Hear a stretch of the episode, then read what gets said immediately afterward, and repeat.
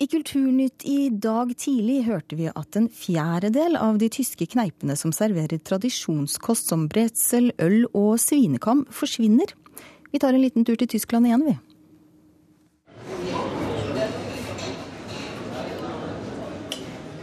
På Augustiner vertshus i München er det travelt ved lunsjtider.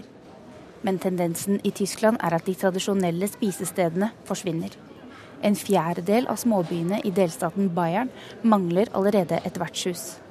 Det syns vertshustester Wolfgang Schneider er for ille. Das ist doch irre, wenn die Handwerker mittags nicht mehr in die Dorfwirtschaft fahren, sondern wenn die Handwerker Tenk at vi reiser til møbelhus for å spise lunsj fordi det er billigere. For 23 kroner per hovedrett er det umulig for et vertshus å overleve. Pris er en av grunnene til at folk ikke drar til vertshusene. En annen er at folk er mer mobile og reiser lenger. De har dessuten andre krav til hvordan stedene skal være. Jedes Gasthaus muss.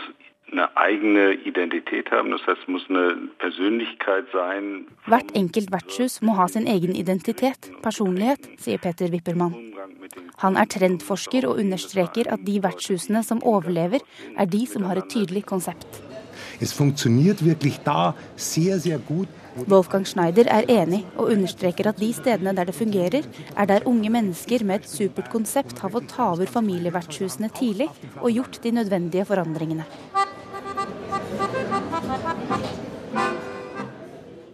Reporter det var Ina Charlotte Fjellhøy. Andreas Wiestad, matskribent og journalist. Her hørte vi at tradisjonskosten i Tyskland blir borte. Hvordan er trenden for tradisjonsmat ellers i Europa? Man ser nok et visst eh, press de fleste steder. Du kan si at det er jo litt sånn at eh, man har noen vinnere, og eh, disse vinnerne er kanskje Italia og Frankrike, der de har klart eh, mange av disse utfordringene.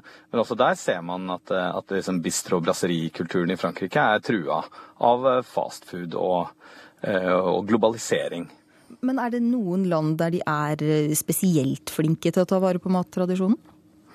Jeg syns jo fortsatt at Italia er veldig flinke.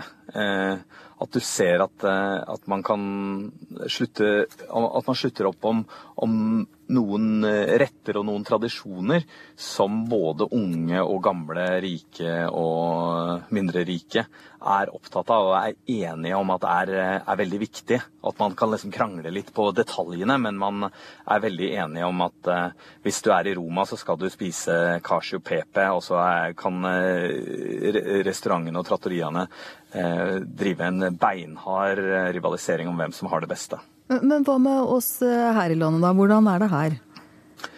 Vi er jo langt vi har kommet så langt at, eh, at når man sier at i, i Bayern så er en fjerdedel av eh, disse stedene lagt ned.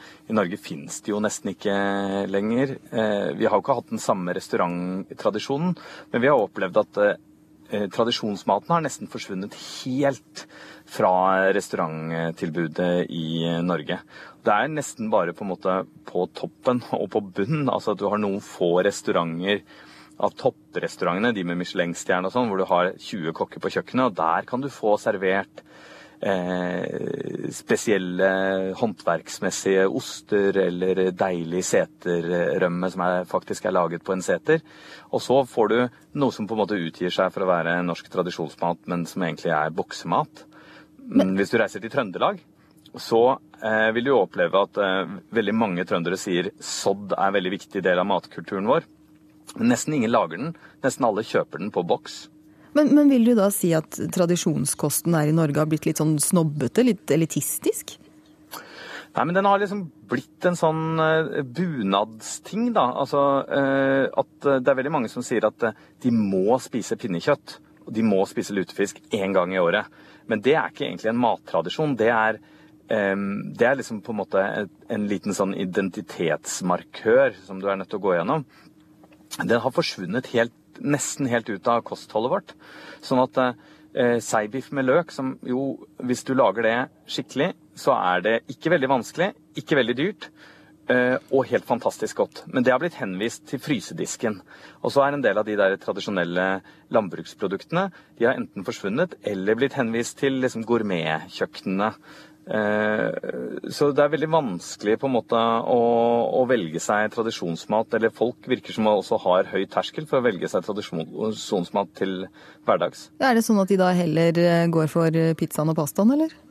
Det kan jo virke sånn. Og så, og så, er, det jo, så er det jo sånn at det, det, er underlig. Det er noen ting som på en måte kommer tilbake via utlandet. altså at, at, vi har fått smaken opp Det er noen sånn positive tendenser. At vi har fått litt sånn smaken for eh, byggryn og rotgrønnsaker. Men da ses det på ikke så mye som bestemorsmat, men som han kule fyren på Grünerløkka sin mat. Hvordan tror du det vil arte seg fremover, da? Er det noe håp for norsk mattradisjon?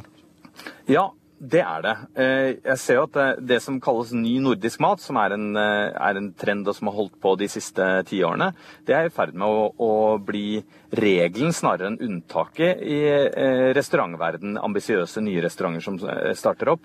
Og jeg tror at vi nå må bare gjøre en sånn kjempeutfordring, vi også, med å si hei, hva, hva, slags mat er det som forteller noe om eh, hvor vi kommer fra, hva slags mennesker vi er her i Norge. Det har vi vært veldig flinke til på andre deler av kultursektoren. Ikke så mye når det gjelder maten. Da får vi håpe at uh, mattradisjonene våre får en, en ny vår. Takk skal du ha, Andreas Wiestad, matskribent og journalist.